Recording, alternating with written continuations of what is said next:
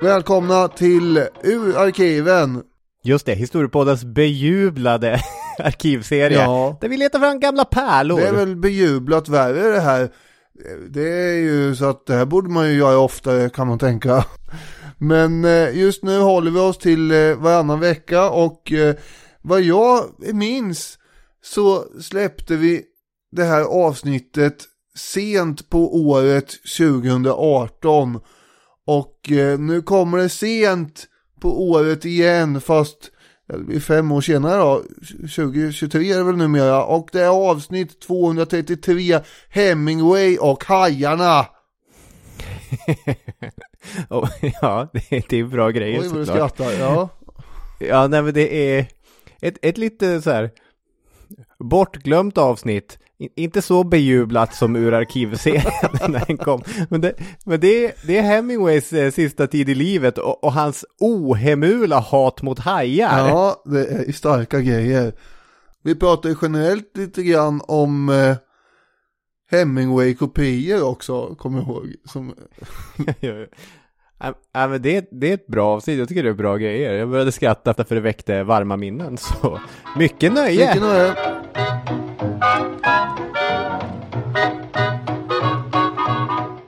Jag tycker att Hemingway och Hajarna, som detta avsnitt heter, skulle vara ett ganska bra namn på ett dansband. Alternativt ett proggband. Helst kanske ett lite proggigt dansband. Detta kommer vara en liten berättelse om den sista romanen som Ernest Hemingway publicerade medan han fortfarande levde. Och vi kommer i alla fall försöka fokusera på ett särskilt förhållande i Hemingways liv. Det till marint liv. För hur förhåller man sig till Ernest Hemingway? Ernest fucking Hemingway. Skulle vi göra ett biografiavsnitt hamnar vi i första världskriget, spanska inbördeskriget och andra världskriget. Det blir väldigt, väldigt mycket. Det går inte. Det går bara inte. Därför måste vi använda den där nerven längst inne i poddcentret av hjärnan. Var finns egentligen den mest intressanta storyn? Detta kommer handla om Kuba, om att flyga plan i Afrika, om att motbevisa alla hatare och slutligen om att ändå inte räcka till. Det är en fantastisk berättelse, både sorglig och rolig, med en protagonist som är just det, både sorglig och rolig. Ni är varmt välkomna.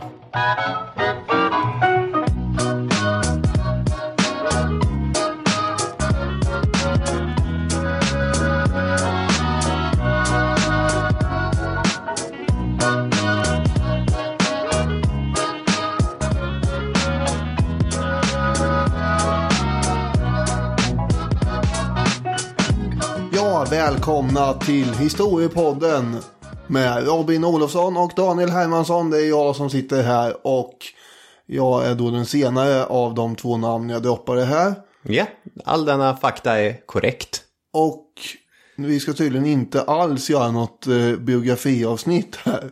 Nej, hur ska man klara av det med en man som levde det typen av, av liv och som har så mycket...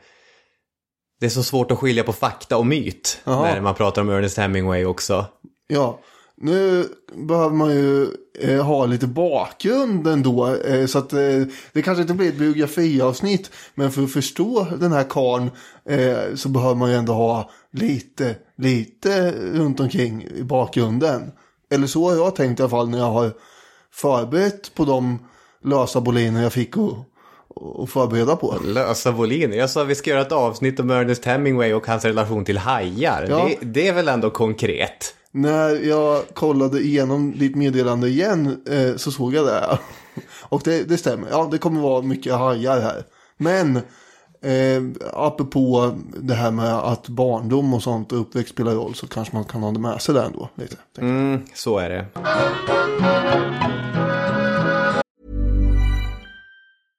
Everyone knows therapy is great for solving problems, but getting therapy has its own problems too, like finding the right therapist, fitting into their schedule, and of course, the cost. Well, BetterHelp can solve those problems. It's totally online and built around your schedule.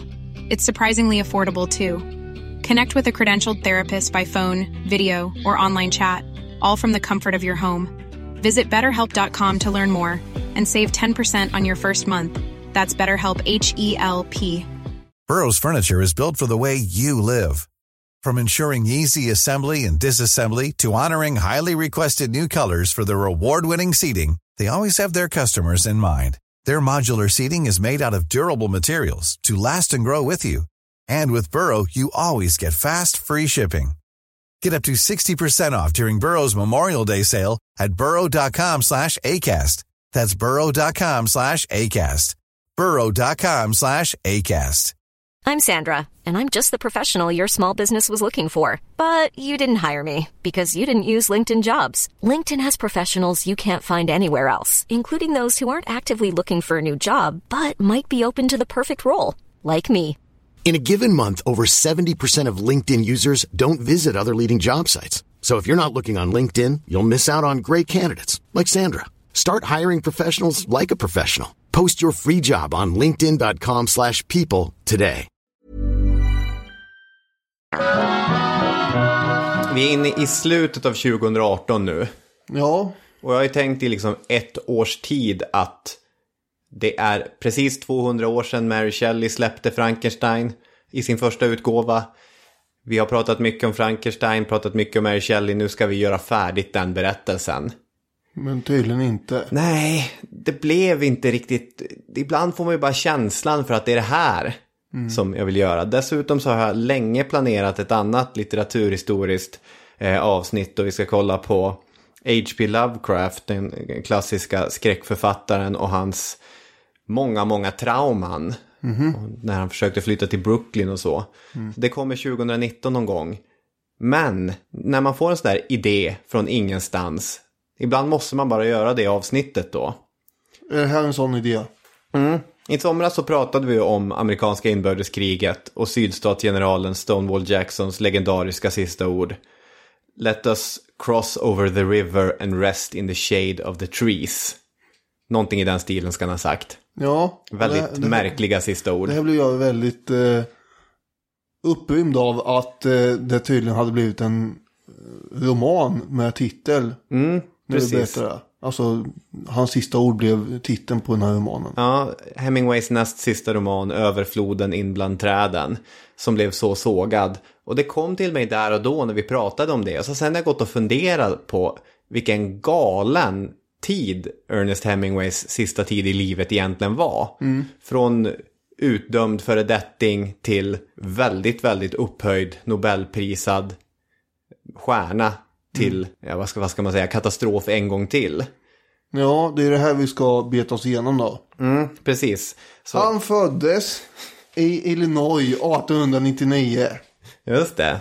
nu, kommer, nu kommer det här. Förlorade generationen, den typen av, av ungdom som hamnade i första världskriget. Eh, han levde i ett kristet hem. Med en morfar som höll eh, gudstjänst sex av sju dagar där hemma. Just det. Han var med i en kristen ungdomsorganisation. Det här är grejer som kommer att eh, spela viss roll för tolkningar kanske av eh, den gamla havet sen. Är om man köper att det är en kristen allegori, det gör inte jag, men Det gör vi, inte. vi kommer till det. Det här ska bli intressant att prata om då i så fall. Han hade en mamma som hette Grace som var sånglärarinna. Hon tyckte att det var väldigt viktigt att Ernest eh, fick lära sig att spela cello tydligen. Så hon höll honom hemma från skolan ett helt år för att han skulle lära sig det. Han hade en pappa som hette Ed. Som var läkare och väldigt, eh, ja han var ganska hårdhänt av sig. Och intresserad av vildmarksliv. Mm, mycket vapen. Mm. Man kan säga att han fick en ganska varierad uppfostran nu, Ernest. Den här varierade uppfostran eh, kan man klassa som, eh, ja det är det man brukar definiera som eh, maskulint och feminint kanske. Ibland då. Det finns ju bilder på lille Ernest eh, i eh, flickkläder och han fick ju samma uppfostran av mamman som hans syster fick och sådär. Just det, det är en av de här klassiska psykoanalytiska teorierna kring varför Hemingway ville porträttera sig som så macho. Just det. Därför att han, det fanns någon sorts sexuell osäkerhet eller könsidentisk osäkerhet från barndomen. Ja, han eh, gör ju väldigt mycket machogrejer i sitt liv. Och eh, han får, för den andra sidan är att han får lära sig till exempel skjuta med gevär när han är två och ett halvt år. Och följa med hans pappa på diverse vildmarksexperiment, höll jag på att säga. Sen får han en ganska, eh, vad ska man säga, trasigare relation till pappan i tidiga tonåren.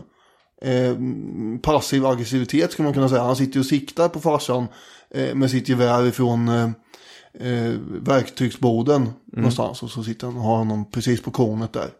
Och det måste ju bero på att den här pappan var ju ganska, han var ju som sagt hårdhänt och eh, tyckte att eh, straff, det funkar. Penalism. Penalism.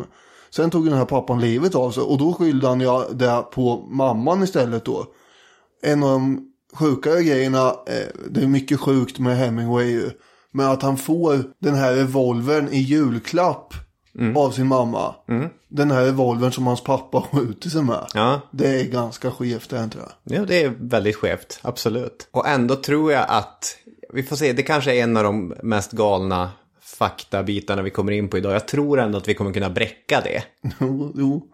jo, det kan man nog göra. Han ville inte gärna prata om sin uppväxt själv. Eftersom han sa att han inte ville såra de som levde, förmodligen sin mamma då. Eh, och han ville heller inte ha någon biografi skriven över sig själv. På typ hundra år efter att han hade dött. Eh, Var det någonting som respekterades? Inte ett dugg tydligen.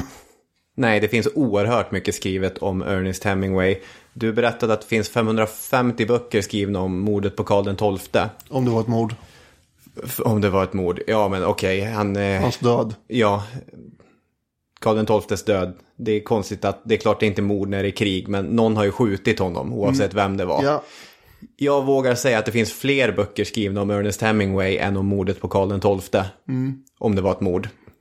ja. Han var ju väldigt äventyrslysten av sig.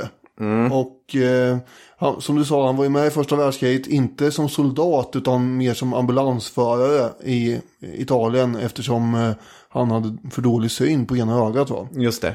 Eh, och där lyckades han ju då bli träffad av granatsplitter. Eh, och sen låg han i en sjukbädd resten av tiden. Men de här erfarenheterna, han samlar på sig erfarenheter hela tiden som sen leder fram till olika böcker. Och Just är det. här som blir Farväl till vapnen Japp. som kom 1929. Men apropå 20-talet så bor han ju i Paris. Mm. Eh, och det var många andra kulturpersonligheter som gjorde också. Och en av de tuffaste machogrejerna man kunde göra i Paris på 20-talet. Det var ju att gå runt ett hörn som man inte hade kontrollerat i förväg. Det är ett gammalt skämt från historiepodden här. Exakt. Jag tänkte att det här måste man ändå återanvända. Eftersom risken för att gå runt ett hörn som man inte vet eh, om det är någon annan kulturpersonlighet eh, på andra sidan. Du kan smälla in i Coco Chanel eller Ja. eh, någon av surrealisterna eller vad som helst. Eh, 70% risk om det går runt ett hörn. Liksom, att det blir en headbang där. Ja, skallskador och sådana trauman, hjärnskakningar var ett stort problem för de franska sjukhusen att hantera. Just det. Han eh, åkte till Pamplona ganska eh, frekvent eh, på den här tiden också. Och, Mm, Spanien. Eh, ja, eh, och såg på tjurfäktningar eh, och sådär. Och det är därifrån han eh, får inspiration till eh, Och solen har sin gång 1926. Som jag för övrigt har läst faktiskt. På, Mm. Ja.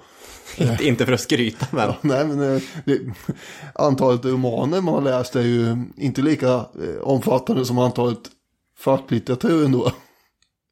Ja, men någon Hemingway-bok har du tryckt. Ja, det har jag faktiskt. Även den här eh, som eh, vi ska prata om senare. Den gamla havet är ju kort, den går ju snabbt att läsa. Ja, du menar att det skulle...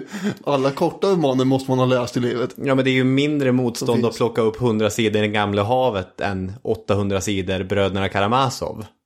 Så är det faktiskt, ja. Eh, och sen har vi 30-talet då som sagt. Vad gör man då om man är macho? Då är man ju med i spanska inbördeskriget och är krigskorrespondent där. Och eh, då kommer den här boken Klockan klämtar för dig 1940 som handlar om det där. Just det.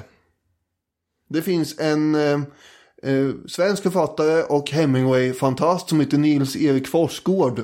Mm, precis. Han har hans, ju- hans bok ligger där. Ja, så där ja. Ja, han- han är duktig på det där. Jo, han har ju verkligen eh, grottat ner sig i Hemingway. Och vad jag tycker är mest intressant är att han har lyckats, det är kanske mycket som är intressant här, men det är ganska spännande att han har hittat en eh, klippdocka i en tidning, eh, Vanity Fair heter det. Mm, just det, stort amerikanskt magasin. Just det, en, någon form av modetidskrift där, från 1934. Och där finns det en eh, klippdocka som föreställer Hemingway eh, som neandertalmänniska. Ja, Och man kan klä ut den här figuren med leopardskinn.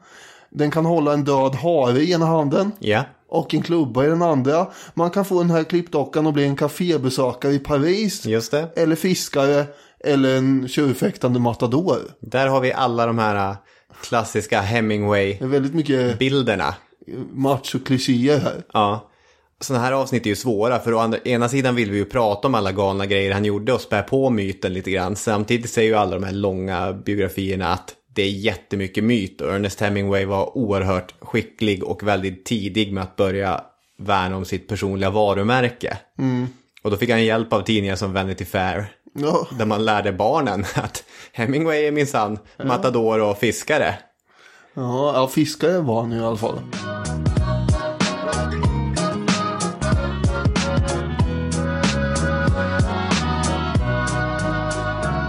Under den perioden som Daniel har beskrivit här så är Hemingway en mycket uppskattad författare. Han kommer ju verkligen slå igenom på bred front. Men det vi framförallt kommer fokusera på nu är ju när det börjar gå sämre för Ernest Hemingway. Och då ska vi komma in på Överfloden in bland träden. Jag har inte läst romanen tyvärr. Men den handlar om en överste som efter andra världskriget träffar en italiensk grevinna. De har en romans och översten präglad av sina erfarenheter från andra världskriget och sina kroppsliga skador har ändå svårt att helt och fullt få det här att fungera. Det påminner till, får se här nu, 100% om Ernest Hemingways egna relationer efter andra världskriget. Då han stannade i Italien och blev tillsammans med en, en tjej. Det som är intressant med den här romanen är att Hemingway var inte som typ Kafka eller någonting som efter sin levnad blev upphöjd till det här är kanon, det här är bland det bästa som eh, den epoken och den här typen av litteratur har att erbjuda. Utan Hemingway var enorm under sin egen period. Och när den här romanen publicerades 1950, då hade det varit tio år sedan Hemingway publicerade någonting senast. Och då går man ju och funderar så här, när kommer Hemingway egentligen med någonting nytt? Det här skulle bli hans stora triumfatoriska återkomst. Men det blev det inte. Över 150 amerikanska tidningar publicerade recensioner som varierar från skeptiska till direkt avfärdande. Man säger att intrigen, den är banal. Karaktärerna, de är statiska. Hemingway verkar vara en kraft förbrukad i förtid. 1950, det här märker man inte minst vid Nobelpriskommittén, för 1950 så hade ledamoten Anders Österling som den andra personen sedan 1947 nominerat Hemingway till Nobelpriset, men själv dragit tillbaka sin nominering när nya romanen kom. Det säger ju ändå någonting. Ja, han, han sa att, eh, eller skrev, författarens styrka har blivit förbrukad i förtid. Ja. Honom ska vi inte ge något. Nej, och det tycker jag ganska väl formar bilden som litteraturetablissemanget hade eh, om Hemingway. Jaha, så där är det med vissa. De klarar, de har några bra romaner i sig som ung och så sen finns det inget mer. Det är med detta i åtanken som A.E. Hotchner, amerikansk journalist och vän med Hemingway. Hotchner lever faktiskt fortfarande, 101 år gammal. Han åker till Kuba för att hälsa på sin kompis för att Hemingway har skrivit ett brev till Hotchner att han är, citat, nere som fan. Ja, han är riktigt deppig här. Ja, han är superdeppig och du vet hur man är som kompis. Då ställer man upp. Då åker man till Kuba. Orsakerna till Hemingways deppighet var många. Det är krig i Korea, men Hemingway kunde ju inte vara med. Han är sjuk och han är trött. Och du vet när det är krig och man inte får vara med i kriget, då blir man deppig. Förvisso, han hade ju kärlek, det är sin fjärde fru va? Mary Welsh Hemingway. Men då är han ledsen för att han är för gammal för att skaffa barn. Ja, Vad är kärlek värt om man inte får skaffa barn? nej. Det är ju inte vatten värt. Det finns en ganska rolig serie som Liv Strömquist har i seriealbumet Prins Charles känsla. Där hon går igenom den här relationen som den gamle alkoholiserade, fete, sjuka. Han har ju jättemycket så här hudsjukdomar och grejer också. Och mycket av fruns uppgifter går att badda honom med olika typer av grejer. Att eh, det är lite svårt att se vad hon får ut av den relationen. Prins Charles. Alltså, albumet heter Prins Charles känsla. Jaha. Ja, Det, det utgår från, det, det handlar om relationer i största allmänhet. Och det här är då Hemingways. Ja, och Hemingway är en av de relationer som, som hon gräver i. Själva tesen där, det låter inte så kul när man berättar, men själva tesen är ju att det är svårt att tänka sig att det skulle vara motsatt, att det skulle vara en eh, 60-årig eh, alkoholiserad, fet, eh, hudsjukdomsdrabbad tant som hade en, en ung snygg snubbe som var baddade hennes hud väck. I alla fall, han är sur på mycket, men Hotchner han börjar reagera på hur noggrann Hemingway är med att berätta att han aldrig läser recensioner. Recensioner, de läser jag inte. Nej, Har, har aldrig brytt mig om en recension. Det är inte sant. det är inte sant. Nej. Han läser recensioner och de här recensionerna har gjort honom arg, besviken, ursinnig, kolerisk, melankolisk, arg igen och så vidare. Ja, eh, innan eh, den här eh, boken kom 1950 så hade han ju skrivit den här boken eh, Afrikas gröna berg 1935 och blivit ganska kritiserad för den med. Den handlar mest om eh, en eh, hysterisk storviltsjakt. Ja, Och då hade han ju hotat att åka till New York och citat perforera packet med Thompson-kopisten. just det. Och då menar han ju att han ska Skjuta dem. skjuta hål på de här kritikerna. Ja. ja, det är ju ett argument för att han faktiskt läser och bryr sig om vad de skriver. Det verkar ju som det. Ja, men när han sitter här i Kuba i början av 50-talet så har han ett trumfkort på ärm. Hemingway skröt ofta om det kassaskåp i Havanna där det låg en mängd färdigskrivna romaner. Det var bara att sticka in handen där och välja och vraka. Det fanns faktiskt stoff till en hel trilogi menade han. Han skulle skriva en trilogi baserad på vatten, land och luft. Sen när han nu sticker in handen i kassaskåpet där och rotar fram någonting. Ska sanningen fram så är det kanske bara en del i det där kassaskåpet som verkligen var genial. Han har en kort roman om en kubansk fiskare. Tänkt att fungera som epilog till vattendelen av trilogin. Men nu är han sur och nu tänker han, nu ska jag ut med någonting riktigt bra. Det är det manuskriptet som Hemingway sticker till sin vän Hotchner och han blir med detta den första i en lång rad av människor som kommer att göra samma läsning av romanen som egentligen hela det här avsnittet bygger på. Den gamle och havet är enligt Hotchner, som Christian Ekvall skriver i Bakhålls utgåva av romanen, ett motangrepp på alla de som häcklat Hemingway och hans författarskap. Eh, Det är vad Ekvall skriver. Jag skulle kunna ta ett steg längre. Jag skulle vilja påstå att det är en hämndfantasi eh, på de här kritikerna. Han tänker att de är hajarna, för att tala klarspråk, som han eh, hugger ihjäl. Precis. Så, Den gamle och havet, varför fanns den här idén överhuvudtaget? 1936, vad var det året efter han hade skrivit om afrikansk storviltsjakt, så hade han skrivit en artikel i amerikanska Esquire Magazine som hette On the Blue Water. Och det handlar om en fiskare som fångar en stor marlin, en svärdfisk, och sen blir attackerad av hajar. Låter det bekant det här?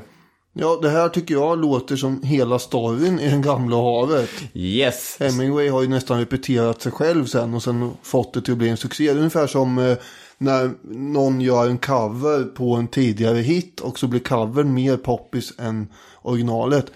Med den skillnaden att han själv är originalet här då. I och med den här essän. Just det, ja, det kan man påstå. Eh, berättelsen hade nått Hemingway via en gammal fiskekompis, Carlos Guiteres. Och ja, men vi kan läsa, det här är ur Nils Erik Forsgårds bok om Hemingway. Och det är, jag tror att det är Hemingways artikel. En annan gång var det en gammal man ensam i en båt utanför Cabanas. Han fick en stor marlin på kroken och fisken drog båten långt till havs i den grova handlinan. Två dagar senare plockades den gamle upp av fiskare 60 sjömil österut. Och då hade han huvudet och frampartiet av sin marlin fastsurrad längs båten. Det som var kvar av fisken, mindre än hälften, vägde 400 kilo. Och så hoppar jag sen lite grann i artikeln. När han låg surrad längs båten hade hajarna angripit honom och den gamle hade kämpat med dem ensam ute i Golfströmmen i en liten båt. Han hade klubbat dem, stuckit dem och slagit dem en åra tills han var alldeles slut. Och hajarna hade ätit så mycket kött de orkat. Han grät i båten då männen plockade upp honom, halvgalen av förlusten. Och hajarna kretsade fortfarande kring honom. Dramatiskt. Jo. Men väldigt likt som sagt det som sen kommer. Oerhört likt. Det är ju lite mindre litterärt, eh, mindre utvecklat, men det är ju precis samma intrig. För 15 år senare, eh, under 1951, skriver Hemingway om denna berättelse till en sorts hjälteberättelse, som den kommer bli i sin litterära form. Ungefär 100 sidor, knappt några karaktärer och ja, men en handling som är lika enkel som den är briljant. En gammal fiskare, Santiago, har inte fått fisk på 84 dagar. De första 40 dagarna har han haft hjälp av en yngre fiskare, pojken kallad i roman, romanen Manolo. Den 85 dagen biter den största marlin Santiago någonsin har sett på kroken. Tredje dagen, efter en dödskamp mellan två otroliga kämpar, fisken och Santiago, så har Santiago fått upp sin fisk. Han binder fast den långa fisken längs med sin båt och börjar segla tillbaka. Sen angrips han av hajar och liksom steg för steg tappar han verktyg efter verktyg. Först sin harpun, sen sin klubba och slutligen så kämpar han på med bara åror mot de här hajarna. När han går i land finns ingenting kvar av fisken annat än ett huvud, en ryggrad och den ståtliga fenan. I romanens sista meningar står ett par dumma amerikanska turister och tror att det är skelettet av en haj de tittar på. Där har vi berättelsen.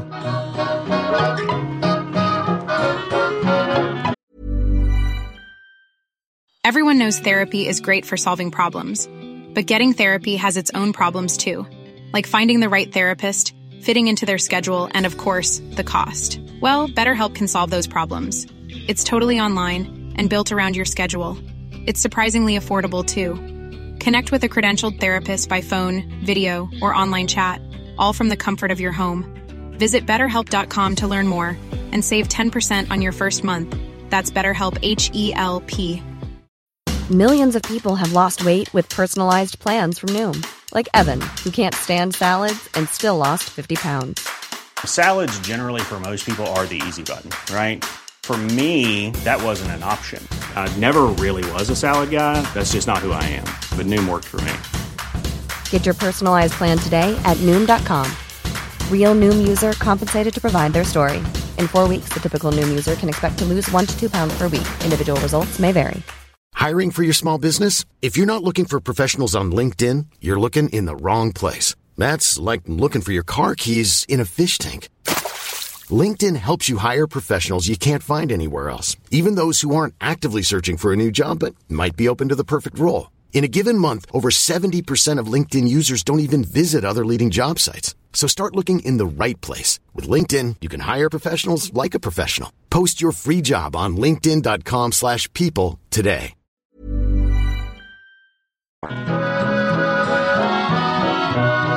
Det är ingen slump att det just är en fiskeberättelse som Hemingway skriver. Nej, precis. Eh, något han är bra på så är ju eh, fiske faktiskt.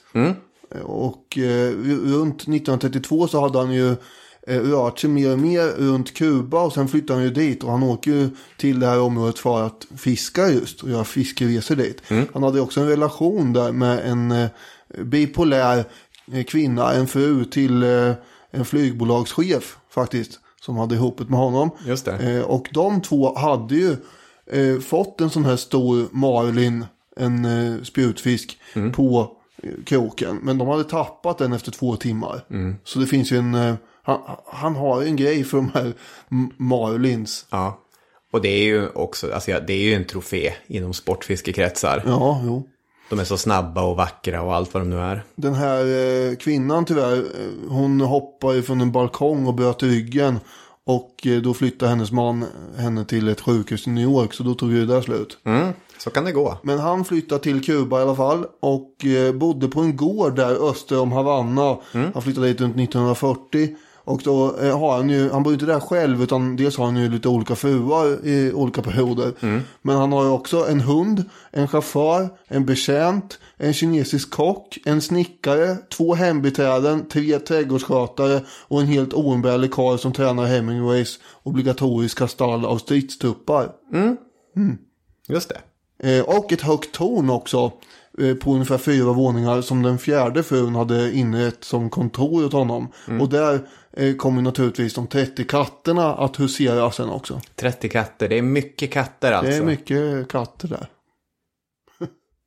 Han tyckte inte om att skriva där egentligen ändå. Nej. Utan han skrev helst i eh, vart- sovrummet eller vart det är. Ja, han har någon byrå där han sitter och trycker på. Apropå eh, fiskande så har han ju en del eh, rekord där.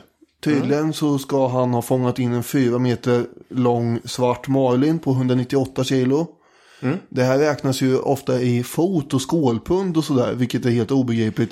Så, så då har jag översatt det här till, Ja. och då är det ungefär fyra meter och 198 kilo. Jag fick 212 kilo när jag eh, räknade om det, men du har, du har säkert rätt. Ja, det vet jag. Jag har använt någon sida som eh, konverterar det här. Ja, samma här.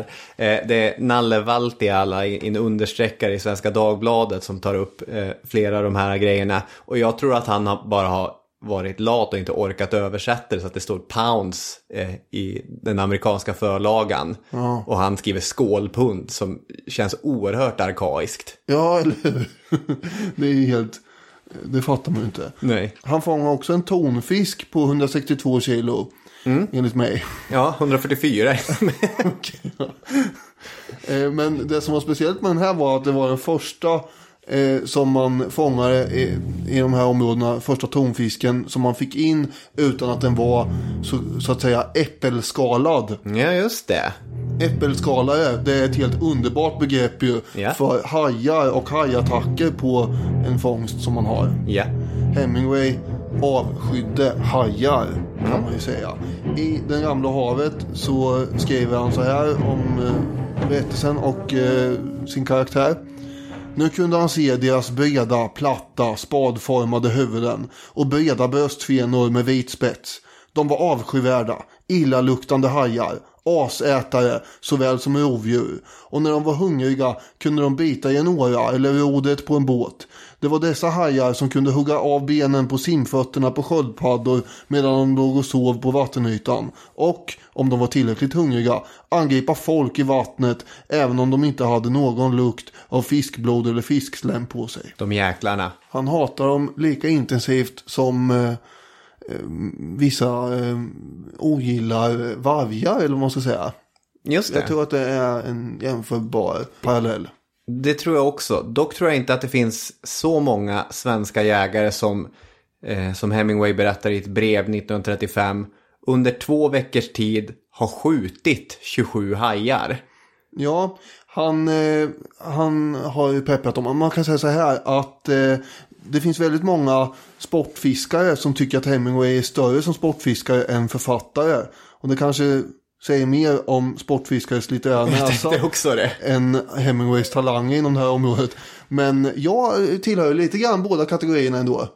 Sportfiskare och eh, litteraturläsare. Ja, men jag, jag läser ju en del ändå. Ja, jag fiskar en del också. Kanske Här är inte så mycket romaner, men okej. Eh, ja, ja, han var en imponerande eh, fiskare, men det, som du säger, den här etiska fingertoppskänslan hade han ju inte när han, eh, han sköt ihjäl dem helt enkelt. Eh, och eh, det värsta jag har gjort någon gång, det var väl när, det var jag och en kompis som hade fått för oss att vi skulle skapa liv i en damm. Så då fångade, fångade vi en gädda och eh, sen sprang vi genom skogen med den här infångade gäddan i en stor låda vatten.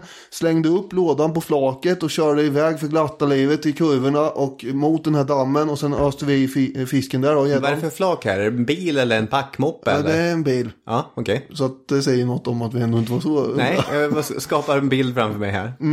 Och eh, vi hade också hällt i en massa abborrar och mörtar och grejer som man skulle kunna äta och så. Ja.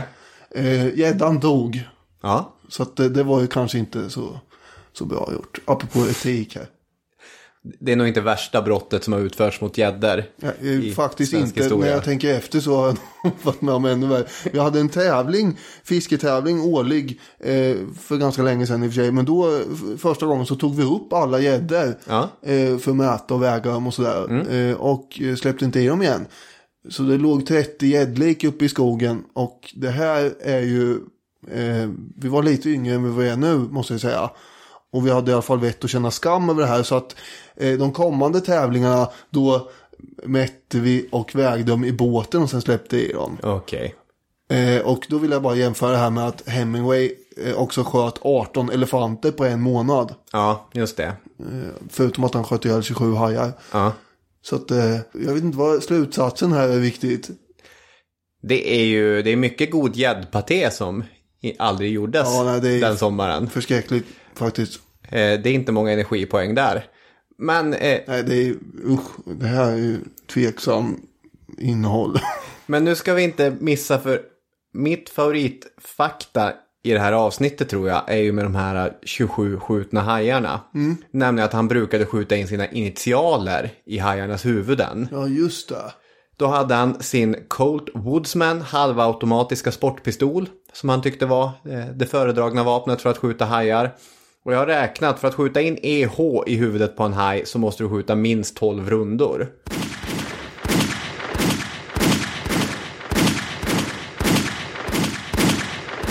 Det känns ju väldigt stört. Ja, det är mer stört än att slänga upp 30-tal gäddor i skogen. Ja. Dessutom är ju frågan om det är sant dock.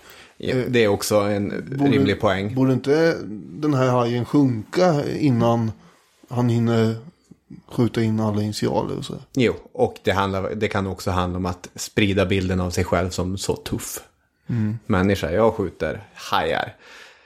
Innan vi kommer in på att börja överföra vår kunskap om hans relation till hajar och sportfiske på en, en riktig tolkning av den gamla havet då, då ska vi ha med oss Hemingways så kallade isbergsteknik. Det här är ett berömt begrepp, många av er har säkert utsatts för det när ni har läst svenska i skolan. Han började torgföra redan på 30-talet. Endast en åttondel av isberget syns som bekant ovanför ytan, men resten finns därunder. Den skicklige författaren, Hemingway använder sig själv som exempel, som den skickliga författaren, eh, är så påläst och kan sitt ämne så till den grad att hen kan utelämna de andra delarna och läsarna kommer intuitivt förstå helheten ändå. När man kan så mycket om, vad skulle du säga är ditt specialistämne här i livet? Vad kan du mest om? Är det Caesar? Ja, kanske det. När man kan så mycket om Julius Gaius Caesar som Daniel Hermansson, då räcker det med att visa en åttondel. Ni kommer intuitivt förstå de andra sju åttondelarna för att han är så förtrogen med det här stoffet. Mm, Det här är Hemingways teori. Mm, det är det. Nils Svarts som skriver för Expressen. Han eh, har skrivit så här angående det där. Den sentimentala maskulinitet som formligen osar ur hans böcker är oemotståndligt feromon mest för mycket unga och mycket osäkra män. Hemingways stil är det geniala uttrycket för en gränslös fåfänga. Den där synliga åttondelen av isberget ska låta ana tyngden av allt som döljer sig under ytan. Men där finns ju bara resten av isberget. The same stuff. De maskulina poserna. Hemingway blev sin stils fånge. Han gjorde om den till livsstil medan de sju åttondelarna av isberget smälte i whiskyglasen på otaliga barer världen över. Just det. Det är nästan en så här kritik av Hemingways eh, sätt att leva. Ja, det är ju. och de ämnena han, han följer. Jag har nog en annan angreppspunkt. För alltså, det Hemingway menar är att eh, till exempel det här gamla havet som bara handlar om en fiskeresa. Det är några sidor före och några sidor efter. Men han menar att jag kan ju den här människan och den här miljön så mycket. Jag kan skriva flera tusen sidor om den lilla fiskebyn. Om människorna, om språket, om religionen, om barerna, om vädret. Men jag behöver inte det. För på de här hundra sidorna så finns allt det där i bakgrunden. Men jag, jag köper inte riktigt det. Jag tror att den här sju åttondelen behöver inte alls vara baserad på vad man egentligen kan. Jag tror det räcker med feeling för vad du utelämnar. Och ett exempel som jag har blivit varse om kommer från eh, Billy Rimgard och Tobias Nordströms podcast Obiter Rictum. Jag kanske har tagit det här exemplet tidigare i, i podden. Jag har tagit det hundratals gånger när jag har pratat eh, med mina elever om så här olika sätt att beskriva karaktärer. Och det är John Carpenters 80-talsklassiker Flykten från New York när Kurt Russell spelar Snake Plissken.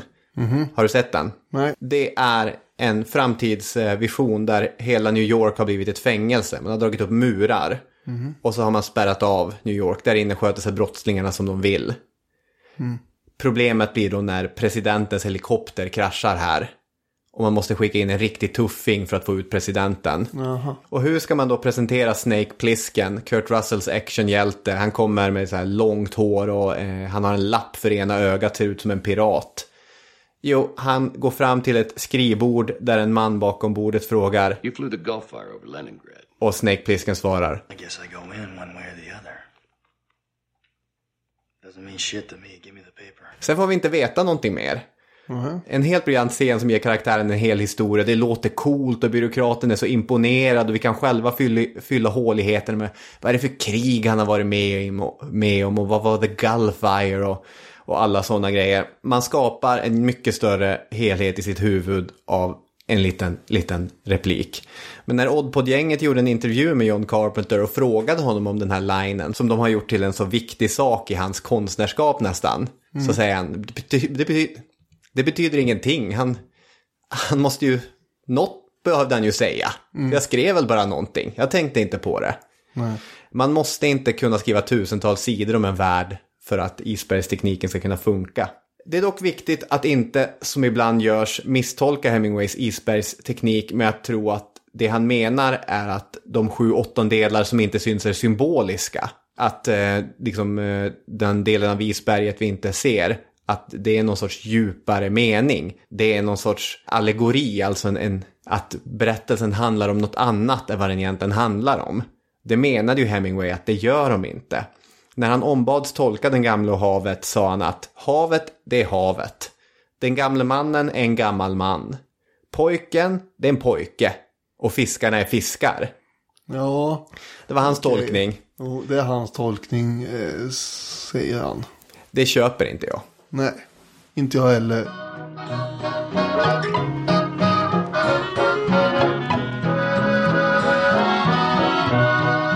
En väldigt framgångsrik eh, kortroman det här ju. Eh, och trots det så har ju då vissa tråkighetsministrar, pessimistambassadörer och så vidare påpekat eh, diverse konkreta osannolikheter i den här storyn. Den gamla farbrorn är nämligen uppenbarligen en förklädd superhjälte. Ja. Eftersom han kan befinna sig fyra dygn ute på havet och trots sömnlöshet så hanterar han fångsten av den här 700 kilo tunga marlin utan vidare. Och eh, som krydda på allt så slåss han ju också i 12 timmar mot giriga äppelskalarhajar. Ja. Som egentligen då är vitfenade oceanhajar. Alltså Clark Kent, hans förklädnad framstår ju som väldigt löjlig. Han skulle ju ha satsat på en sån här eh, som Barney har i How I Met Your Mother. En sån här gammal gubbeförklädnad istället. För att uppenbarligen så kan ju ingen ana här vilket krut det är i den här Santiago minsann. Men Just det, jag tänkte att om han skulle existera i Marvel-universat skulle det visa sig att han var en mutant. Han är en X-Men. Ja men precis. Och det här har ju folk då påpekat är orimligt. Eh, Men jag tycker väl att det är lite väl. Det här är ju PT-generaler och realitetspedalanter som håller på. Alltså det är ju en roman. Men det är ju lite ironiskt att Hemingway skryter om hur realistisk den är. Jaha, du tänker så. Ja, När okej. det finns delar som helt uppenbart är övermänskliga. Men det är ju en berättelse om en hjälte också. Just det. En superhjälte. Ja, lite så ja. Ska man säga när du ändå sa att den blir väldigt framgångsrik. Alla som hade fått läsa Den gamla havet hade tappat hakan så han visste att den här skulle, eh, skulle bli varmt mottagen. Men när hela berättelsen publicerades i tidningen Life så såldes den i 5,3 miljoner exemplar på 48 timmar. Eh, första upplagan av boken, 50 000 ex, såldes slut på 10 dagar och i 26 veckor låg den etta på New York Times bestsellerlista. Så att den, det blev en kommersiell och som vi ska se sen riktig kritikerframgång också. Okej, då kommer vi in på de här olika tolkningarna och vi, vi får väl landa i lite olika. Jag vill ju framförallt göra den självbiografiska tolkningen. Men de tre traditionella tolkningarna, eh, där är inte Hemingways egen variant att havet är ett hav och den gamle mannen är en gammal man med överhuvudtaget. Utan det brukar handla om religiösa symboler, det brukar handla om en psykoanalytisk eh, teoretisk ansats och det brukar handla om den självbiografiska eh, varianten. Var vill du börja? Vad jag vill börja. Ja, Ja, vi kan väl ta den religiösa. Till exempel så förekommer det faktiskt ibland en del helt ohöljda referenser eh, som är religiösa. Som till exempel när Santiago ser den första hajen och så skriker han till aj! Som man gör. Eh, eller oj, aj! Och, och då eh, så skriver ju Hemingway aj, sa han högt. Det finns ingen översättning för detta ord och kanske är det bara ett läte likt det som en människa ofrivilligt utstöter i den stund hon känner spiken tränga genom händerna och in i träet. det är ju en referens till Jesus Kristus. Det är svårt att eh, eh, så att säga inte dra den slutsatsen. Och sen när Santiago väl kommer hem till stranden och går upp för eh, vägen mot sin stuga så bär han ju masten på axeln. Som ett kors. Ja, och han ramlar flera gånger och måste vila också. Det här är ju Golgata-episoden. Han har dessutom en hatt som tydligen skär in i pannan. Ja. Slash törnekrona. Ty tycker du att den där tajta hatten är lika stark som de andra? Nej, det kanske jag inte tycker, men ändå. Han sätter också den, här grova fiskelinan på ryggen. När Marlin drar honom ut till havs och så får han de här såren på ryggen också. Men det finns ju också de här nyckeltalen, bibliska nyckeltalen. 3, 7, 40. Den här striden med svärdfisken, den pågår ju i tre dagar. Var det något annat som pågick i tre dagar? Det är ganska mycket som har pågått i tre dagar. förstås. Men Kristi lidande till exempel.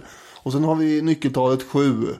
Det tar ju Santiago sju försök att fånga den här svärdfisken. Och sen när det väl kommer hajar så är vi sju stycken han dödar. Och då är det, vad är det i Bibeln, att det tog sju dagar att skapa världen eller? Ja, det är ju till exempel. Ja. Det finns sju små dvärgar också. Ja, men de är snarare kopplade till eh, det här bibliska talet sju. ju. Det är därför man har tagit sjusovarna till exempel. Ja. Det är ju en kristen referens också till olika eremiter som sov i sju dagar. Så jag kommer inte ihåg den här exakt nu. Men siffran sju är ju bland annat kopplad till bibliska referenser. Mm. Det är helt självklart att det finns bibliska referenser eh, i det här. Och det, och det är ganska ironiskt också eftersom den enda gången Santiago pratar till, till Gud, han ber ju vid ett tillfälle och då säger han att jag är egentligen inte religiös, jag brukar inte be, men om du hjälper mig med det här så, så lovar jag att, och så ditten och datten. Vanligtvis är det ju Joe DiMaggio, den stora baseballspelaren som han tilltalar. Säger den stora DiMaggio skulle orkat ditten och den stora DiMaggio skulle orkat eh, datten. Ja, man kan ju tydligen till och med slå fast vilka datum den här berättelsen utspelar sig på. Mm, genom baseballreferensen som förekommer. Precis, eller baseballreferaten menar jag. Så är det absolut. Jag får bara inte att gå ihop till en enhetlig religiös berättelse Nej. genom de här små eh, bilderna. Det är klart att de har en sorts religiös spänning eller anspelar på, men jag tycker inte att det håller som helhet. Den andra tolkningen, den är tidstypiskt nog psykoanalytisk och den utgår från en oidipal triangel där havet är modern. Det här är Christian Ekvall som skriver. Ja, precis. Det är inte hans tolkning utan han, han refererar eh, till en eh, amerikansk psykoanalytikers läsning av den. Dödandet av fisken är ett fadersmord där fisken symboliserar pojkens, alltså den eh, Manolo som inte längre fiskar med, med Santiago. Eh, fisken ska då symbolisera den pojkens nya kapten och eller pojkens biologiska far. Och detta, detta fadersmord för med sig en våg av skuldkänslor och hajarna kommer direkt och angriper med sin citat kastrationsartade hämndaktioner. Och så kopplar man förstås på då Hemingways eh, trassliga relation med sin egen far. Och det faktum att han har söner som han nu har det trassligt med. Ja, det är, det är inte min favoritläsning heller. Sen får ju alla göra sin egen läsning och tycka att det de tycker är, är rätt tolkning, det är rätt tolkning. Men jag är inte speciellt intresserad av varken den religiösa eller den här psykoanalytiska tolkningen, utan jag är intresserad, likt A.E. Hotchner och många andra, åt en biografisk tolkning av romanen. Det är inte modernt med biografiska läsningar, men det skiter jag i. Ett, därför att det passar och två, därför att det är mest intressant. Biografi är ju alltid mest intressant. Det här är ju en subjektiv uppfattning. Jo, jo, men vadå? Jag sitter väl inte här inför någon Nej, okej. eh, universitetslektor. Nej, heller. du får tycka vad, vad du vill här. Jag menar följande. 1. Santiago är Hemingway. En gammal uträknad mästare som genom hårt arbete kommer att bevisa att alla har fel. Jag kan fortfarande skriva fantastiska romaner. Eller jag kan fortfarande åka ut och fånga enorma fiskar. 2. Pojken är Hemingways ungdom. Eh, en kraft som han eh, försöker uppbringa när det, när det är jobbigt. Jag önskar att pojken var här, säger Santiago varje gång det är riktigt tufft. Och när han säger det så blir han lite starkare och orkar lite mer. Och då följer sig naturligt att de här hajarna som vill förstöra, äppelskala, sabba det här mästerverket, den här långa marlinen, de är kritiker de är haters, de är hatare, de är alla som inte tror på geniet. Och det är dem han vill banka en eh, kniv i hjärnan på. Som han gör med hajarna. Just det, eller åka ner och skjuta med sin Thomson K-pist. Eller vad det nu var. Det här är ingenting jag har verkt ihop på kammaren. Utan jag är en liten tjuv som plockar upp idéer här och var och försöker virka samman dem till någon skev helhet. Eh, men vi pratade ju om, om eh, Nalle Valtialas eh, understreckare från Svenska Dagbladet. Och det var väl efter jag hade läst den som jag var, ja, så är det ju. Hajarna är kritiker. Om man köper mitt påstående om att eh, Hemingway eh, vill i alla fall symboliskt skjuta alla de här eh, kritikerna, då kan man ju tycka att det är en kraftig överdrift. Samtidigt så kan man ju lite grann förstå det här att det är väldigt, väldigt jobbigt att bli sågad. Mm. Jag läste någon intervju med Lasse Berghagen för en herrans massa år sedan. Jaha. Där han skrev om det, hur det är att ha blivit sågad konstant genom hela sin yrkesbana. Har han verkligen blivit det alltså? Ja, men det är väl klart, Lasse Berghagen har ju aldrig varit en, en kritiker, älskling. Nej, okej. Stackarn. Han är ju en folkkär. Ja, det är ju därför jag tänker att det är konstigt. Men ja, nej. Ja, men vad brukar folkkära Nej, artister det- vara hyllade av kritiker? Nej, det, kritikerna ska ju alltid ha någon annan vinkel på det som sagt. Ja, Ja. fortsätt. Men han berättade hur jobbigt eh, det faktiskt är. Och att ja, till sist så vänjer man sig lite grann. Men man får tjockare hud och så vidare. Och ja, men det har jag också tänkt på nu när, när vi har varit ute och gjort några liveföreställningar och så. Det är oerhört jobbigt att sitta där och, och förväntas underhålla och folkbilda människor. Att läsa en, ett stort uppslag i en dagstidning där det skulle vara ett av fem. Banalt och dåligt. Ja, det hade inte varit roligt, nej. Nej. Nu har vi inte sett något av det istället. Nej, hade du velat bli recenserad? Nej, I, det klarar jag ändå att göra. det är en kultur. Ja. Nej, jag är, jag är skeptisk eh, till det. Det var en intressant nyhet, om det var i somras eller förra sommaren kommer jag inte ihåg, men det var eh, när Barometern, lokaltidningen där i Småland va? Ja. Hade eh, nekat, nekats av Emmabodafestivalen att få skicka ut sina journalister där. Eh, det, de fick svar, vi vill ha presspass, då fick de svar ungefär att ja, men då får ni köpa egna biljetter. Det är inte intressant för oss att ni ska stå och tycka till om, om våra artister. Nej, det här var intressant. Jag har en kusin som jobbar på Barometern förut. Han Ja. är journalist där. Han kanske blev nekad eh, inträde. Det blev en kulturdebatt om det här. Och Kristina Lindqvist skrev apropå det i DN att den kvalificerade kritiken går i intellektuell dialog med konsten, placerar den i ett offentligt samtal och ger den, ger den ytterligare ett rum att existera i. För ett civiliserat samhälle som värdesätter bildning är kritiken en offentlig angelägenhet och inte det särintresse som debatten nu ger sken av. Så att eh, det finns ett sånt större och djupare värde av kritik. Sen kan man ju se kritikerns jobb som ren konsumentupplysning också. Huruvida det här är en bra eller en dålig film att gå och se. Så är det faktiskt. Så å ena sidan, Hemingway menar att kritiker var ett pack, de var hajar som parasiterar på hederligt arbete. Men å andra sidan ska man säga att, säga att kritiker är totalt nödvändiga. Ja, eh, annars hade kanske massa folk sprungit och köpt den här eh, eh, In i träden boken som var så usel. Ja, precis. Och nu har du sluppit läsa den till och med här. På grund Ja. av att du vet att den är kass. Ja. Forsgård skriver i sin bok att hajarna är inte nödvändigtvis kritiker utan han skriver att de är citat det ondas princip. Ja, för hajarna skulle ju också kunna vara bara hajar eftersom han hatar hajar. Ja, jo, förvisso.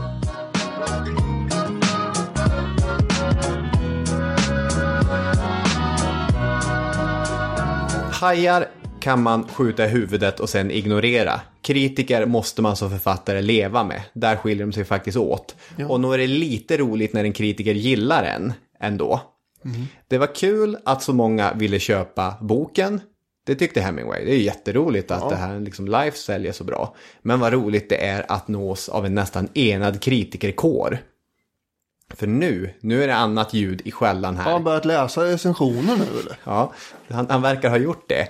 Vissa hade ju redan på förväg bestämt sig att Hemingway inte var någonting att ha. Svenska Dagbladets Artur Lundqvist till exempel fördömde Hemingways hela livsåskådning. Det här att människan ska härda ut och utan att klaga behålla sin värdighet. Och så skrev han i sin recension att det här visar att Hemingway har stora brister i både mänsklighet, förstånd och mod. Det är hårt tycker jag. Det är ganska, ja. Men de flesta var översvallande. Alltså eh, positivt, han är tillbaka. Det här är det bästa han har skrivit. Och först fick Hemingway Pulitzerpriset och sen skulle han komma att vinna the big one. That Swedish thing som han själv brukade kalla det. För det här var på den tiden, förstår ni, då Nobelpriset fortfarande delades ut. Ja, jo det, det var den tiden där. Ja, det känns som En gång för länge, länge sedan. Precis. Det finns en intressant berättelse eh, kring detta. Hur kom det sig att, Hemingways, att Hemingway den fjärde gången han blev nominerad faktiskt kom att vinna? Han hade, som vi var inne på tidigare, blivit nominerad flera gånger. Första gången 47, men då hade akademin ansett att det var en citat ofruktbar gest att ösa pengar och berömmelse på en författare som redan hade sånt. Det är ju ingen poäng. Han är ju redan superpopulär. Han har massa ekonomiska medel. En till sak som talade emot Ernest Hemingway, det var ju att William Faulkner 1950 hade vunnit Nobels i fredpris, jag på säga. Det hade han inte gjort. Han vann Nobelpriset i litteratur. Nu kan inte jag min Faulkner så bra. Jag har bara läst Ljus i augusti som är hans berättelse om en lynchning i södern. Deras, eller deras stilar är knappast identiska, men de var språkliga innovatörer och de var amerikanska män. Och så där funkar det ju. Vi kan inte ge en amerikan till priset. Nej, och det där måste ju vara en så tudelad grej. Till exempel för Margaret Atwood när Alice Munro eh, vann Nobelpriset. Nu har de gett det till en kanadensisk medelålders äldre kvinna. Nu är jag körd. Ja, Eller så blir man bara glad för att sin kompis och landsman vinner ett pris. var det här en markering eh, från din sida mot eh, Landsmaninna. kommentatorers försök att införa ordet landsmaninna? Ja, precis. Jag går i stark antipati mot Jakob Hård. Oj. Nej, jag skojar bara. Eh, så att Hemingway, att han skulle få Nobelpriset i början av 50-talet, det var inte speciellt troligt. Men Hemingway är Hemingway och i slutet av januari 54 så började det cirkulera rykten om att den store författaren hade omkommit. Ja, Svenska Dagbladet gick till och med ut med en dödsruna. det här berodde ju på att han hade kraschat i Uganda med ett flygplan. Ja, Om man inte hittar kropparna efter honom och hans fru. nej, Eh, och då drar man slutsatsen att de är döda. Ja. Det är ju lite konstigt i och för sig. De har, kan ju lika gärna ha kravlat iväg någonstans då. Hur som helst, hela världen trodde att nu har han dött. Ja, och då är det ju, sitter man i Nobelkommittén tänker man, nu har vi missat vår chans. Så när dimman väl lagt sig och det är tydligt att Hemingway lever, då kommer Anders Österling, ledamoten som tidigare hade dragit tillbaka sin nominering för just Hemingway, att skrida till verket. Ett färskt mästerverk föreligger och kan åberopas, ska han ha sagt. Med andra ord, Hemingway hade visat alla kritiker, alla haters, alla läsare, alla som har sagt att efter överfloden in bland träden, du är en citat förbrukad kraft. Det är du inte alls. På samma sätt som Santiago hade visat att gammal är äldst så hade Hemingway visat att den som kan sitt yrke innan och utan kan göra otroliga saker. Så fick alltså Hemingway That Swedish Thing den 20 oktober 1954. Akademin skickade ett telegram till både Kuba och Hemingways franska agentur för att vara helt säker att informationen gick fram. Man visste inte riktigt var han var. För hans kraftfulla och inom nutida berättarkonst stilbildande mästerskap, senast ådagalagd i The Old Man and the Sea, hette det. Alltså, utan den gamla havet inget pris. Nej, så är det ju. Dagen efter tillkännagivandet är svenske konsuln ute eh, hos Hemingway där i hans villa i Kuba. Sitter väl där bland katterna och äter lunch med pristagaren. Enligt uppgift så är det många vinflaskor på bordet. Svenska tidningar får tag på Ingrid Bergman, Hollywoodstjärnan som spelat i filmatiseringen av For Whom the Bell Tolls. Hon berättar att sist hon träffade Hemingway så hade hon sett en begynnande trötthet. Ja, det kan man väl lugnt eh, anta. Men hon spådde en ny vitalitet nu när han hade fått detta fina pris. Ja, Hemingway kommer också dagen efter berätta att han tänker inte åka till Stockholm. Varför då tänker ni? Är det en sån här svår Bob Dylan-grej att man är lite för cool för priset? ja det skulle man kunna tänka sig faktiskt när det gäller Hemingway. Ja, eller är det en Doris Lessing-grej att hon faktiskt på allvar inte bryr sig utan bara tycker att det är jobbigt att få ett pris? Men så är det inte, utan varför vill inte Hemingway åka till Stockholm? Han har kraschat igen. Ja, Bokstavligt talat, Ja. igen. I Afrika också. Ja, eh, och eh, inte nog med det så har han ju också bestämt sig för att trots hjärnskakningar och annat så ska han vara med och släcka en, eh, en brand i Kenya. Ja. En stor skogsbrand där och det slutar ju med att han ramlar i de här lågorna och får ganska svåra brännskador. Eh, Så han eh, har lite svårt att ta sig till Stockholm och inte så jättepigg på att flyga igen antar jag. Nej, han har brännskador, hjärnskakningar och syn och hörselskador. Och hans läkare har sagt att du får absolut inte åka till Stockholm. Sen är han ganska noga att berätta för den här svenska eh, konsuln då att om det var krig så skulle jag såklart ställa upp. Men det här är ju inte krig, det är bara ett väldigt viktigt och fint pris. Men någonstans måste man ändå dra gränsen. När andra världskriget bröt ut, det glömde vi ju säga, då tog han ju sin båt Pilar och spände på en massa radarutrustning på den och patrullerade runt Kubas kust för att leta efter eh, tyska ubåtar. När det blev lite för tråkigt samlade han ihop någon sorts privatgarde och, och drog eh, till Europa istället. Ja, och enligt mytbildning så ska han ha varit bland de första att ha tuffat in i det befriade Paris då. Det tror jag absolut inte på. Nej, jag vet inte riktigt om jag tror på det heller. Nej. Men det är, krig var viktigt i alla fall. Det blir inget Stockholm utan mer fiskande. Och med tiden kommer han börja avsky sitt pris också därför att den för med sig massa berömdhet. Och det är massa kubaner som helt plötsligt känner igen honom för han har hjälpt till att satt Kuba på, på kartan. När han går in på sin favoritbar där han brukar sitta i lugn och ro och läsa tidningen då kommer en människa och ska köpa en drink till honom och ska ta honom i hand och du vet Det hur blir det för är. mycket uppmärksamhet helt ja, enkelt. precis. Jaha. Ja, ja. Han har också lite andra problem kan ju tilläggas under 50-talet. Mm, vad är det för problem? Skavanker på levern. Ja, Det är ingen chock kanske. Men eh, också mjälten och ena njuren. ja. Diabetes är på ingång. Ja, det kan man tänka sig också. Ja, Inflammation på aortan. ja Muskelkramp och eh, hudproblem. just det. Han, eh, han är på dekis rent fysiskt här skulle man kunna säga. Ja. Hemakromotos, en kombination av skrumplever och diabetes. Ja, Som gör honom bronsfärgad. just det. Det är ju också, det låter otrevligt. Han börjar eh, kanske fila lite grann på hur han ska, han börjar fantisera i alla fall om att ta livet av sig. Mm, precis. En annan av tidens nobelpristagare, den fransk-algeriske författaren Albert Camus, han fick nobelpriset tre år efter Hemingway och han skrev en hel del om självmord. Lite hårdraget kan man koka ner hans skrifter i att självmordet är människans avgörande filosofiska fråga att ta sig an. Är livet värt att leva? Ja eller nej? När man har tagit eh, det beslutet då har man, då har man konfronterat den mest springande punkten i mänsklig existens. Den frågan hade Hemingway brottats med under långa perioder. Och han hade gjort spontana grejer som att hoppa över relingen på Pilar och sjunka mot botten. Ja. Innan han som vaknade till liv och tänkte, vad fan jag, ska ju vara en, ett gott föredöme för mina barn. Så har han simmat upp och, och andas och så vidare. Men mellan åren 54 och 61 då han dricker mer och mer och han blir sjukare och sjukare. Då blir självmordsförsöken mer och mer seriösa också. Han börjar prata allt mer om hur han ska döda sig själv också. Och framförallt så är det ju en berättelse som återkommer. Han ska sätta en stol i hallen, sen ett gevär på marken. Det hålls på plats genom att han gapar över det.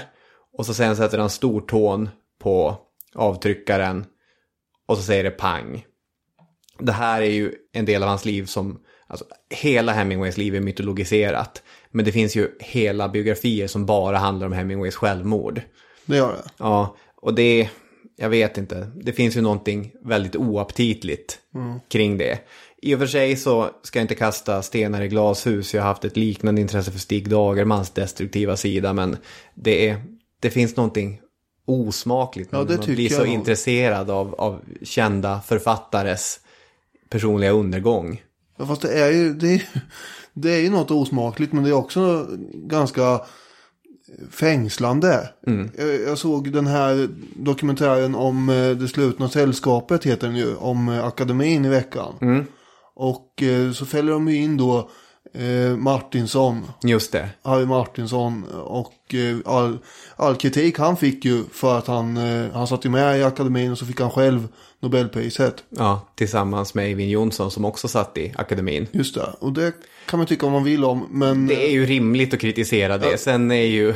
jo, det här har vi tagit upp i podden innan och det var ju du som lärde mig det här, men att han då klipper upp sin mage på en psykklinik Just det. för att han får tag på en sack där. Ja, Det är ju fruktansvärt det är det. sätt att lämna in på. Verkligen. Hemingway, han försökte gå in i rotorn på en flygplansmotor som var på.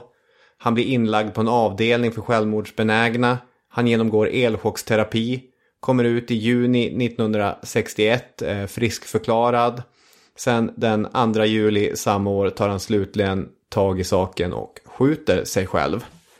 Den förklaringen han själv hade gett var när man som författare kommer till insikten om att man inte kommer kunna skriva alla de romaner som man har tänkt sig skriva.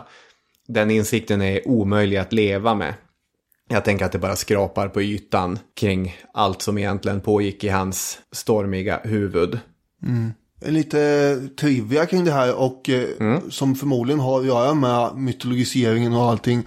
Jag har ju upptäckt då när jag har suttit och eh, letat eh, information om honom att det finns, precis som det gör med Elvis för övrigt, lookalike-tävlingar, årliga sådana. Oj, Och här, eh, du kan trycka på pilarna där så får du se alla de här farbröderna som tävlar om att vara så lik eh, honom som möjligt. Det ser ju ungefär ut som eh, ett stort konvent där folk försöker se ut som min pappa. ja, det är ganska likt faktiskt. Jag tänker att de här dessutom kan eh, få lite sköna stålar som jultomtar på. Ja, precis. Det är, det är alternativet då om man misslyckas som Hemingway-kopia. Ja, eller ta på dig en vit cowboyhatt så kan du vara Kenny Rogers. ja, du ser de håller en eh, byst av honom där med och, tar varandra i hand och så har de fått medaljer. Förmodligen är det väl han som har vunnit då. Ja, Ja, han är ju man, eh, väldigt lik. Ja, det, är, det här kan man googla på. Men de har ju Vi också... kan skicka upp länken också på Ja. Facebook-sidan. De har ju också riktat in sig på en viss ålder känns det som. För alla är ju vitskäggiga. Ja, det är inte så mycket unga Hemingway här. Nej, det borde kanske vara en egen kategori. Ja, det var roligt. Ja, eh, tack. Ja, jag har också lite trivia att avsluta med. Idag är många hajar utrotningshotade. Kanske så många som en tredjedel av alla hajsorter är utrotningshotade. Och inte minst så är det överfisket som ett problem. Makohajen, eller bonito, är en av de hajarter som riskerar utrotning. Den är en delfångst, inte minst i de stora tonfisknäten. Makohajen är världens snabbaste haj och den Hemingway såg som störst utmaning av alla hajar. Ibland kunde den låtsas vara död länge i båten och sen sprattla till liv och nästan sänka hela bygget. Det är också den här typen av haj som bland annat förekommer i det gamla havet. Det är många hajar som förekommer där. Forskare som har jobbat med hajarna har också slagit fast att just mako är en av de hajarter, om inte den hajart, som har störst hjärna i relation till sin storlek. Hade Ernest Hemingway fortsatt att leva hade kanske fler hajarter säkerligen varit döda nu. Det är mest ett skämt. Skjutna med en Colt Woodsman i huvudet. Och där når vi slutligen symmetri. Från en skottskada i huvudet till en annan. Från en man som skjuter hajar i huvudet som slutligen skjuter sig själv i huvudet. Just det. Lite morbid får man säga. Ja, men så blir det ibland. Ja, vilket galet liv han hade. Även om mycket mytologiserat. Och vi har ju inte ens pratat om livet här. Utan det här var ju bara, så att säga, relationen med hajarna. Precis, så är det. Och med det sagt så ska vi ta och tacka så mycket för att ni har lyssnat. Ja. Nästa vecka då är det julavsnittet. Ja, det är jag. Ja, det blir en helt annan typ av farbror vi kommer prata om. Ja. Hörni, ni är varmt välkomna tillbaka då. Tack för idag. Hej! Hej hej.